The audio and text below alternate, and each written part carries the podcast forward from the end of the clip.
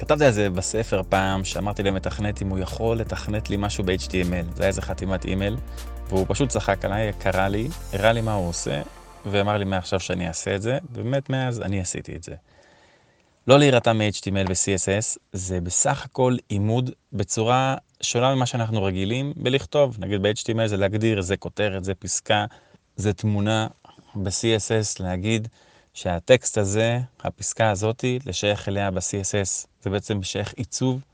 אז אנחנו אומרים שהפסקה הזאת תהיה בפונט כזה וכזה, וזה יהיה בצבע אדום, וזה יהיה עם איזשהו אלמנט עיצובי אחר.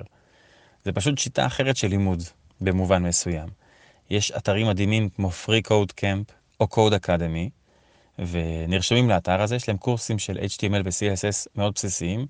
אתה נכנס, יש לך מצד שמאל, מראים לך הסבר, ונותנים לך איזו משימה קטנה, ומצד ימין יש איזשהו אדיטור ששם אנחנו כותבים את התשובה, ועושים הרץ, והוא אומר אם עשינו את הקוד טוב או לא, ואם לא, נותן לנו איזה וידאו שאנחנו רואים מה בדיוק צריך לעשות.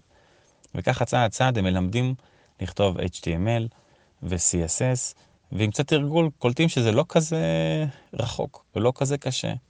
ואנחנו גם לא צריכים להיות מתכנתים, אבל רק כן טוב מאוד להכיר את זה, שאחר כך עובדים מול מתכנתים, והם אומרים את זה צריך ככה, את זה צריך ככה, וכבר יש איזו שפה משותפת, ואנחנו כבר מבינים, רגע, אולי נעשה את זה, אולי נעשה את זה, כבר מבינים מה זה רספונסיביות, מבינים את האפשרויות, מבינים את המגבלות, והרבה יותר קל ככה לתקשר עם מתכנתים, וליצור את המוצרים שאנחנו רוצים.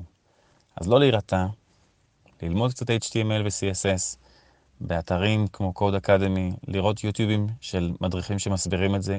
כן, כדאי כמובן ללמוד אנגלית ולתרגל גם באנגלית כחלק מהתרגול, אבל יש גם מדריכים בעברית בוודאי. אז לא להירתע, ללמוד HTML ו-CSS, להמשיך אפילו אחר כך לשפות נוספות, באמת כדאי. באמת כדאי לאורך טווח, בטח שעובדים היום יותר ויותר בעולמות של ווב ודיגיטל.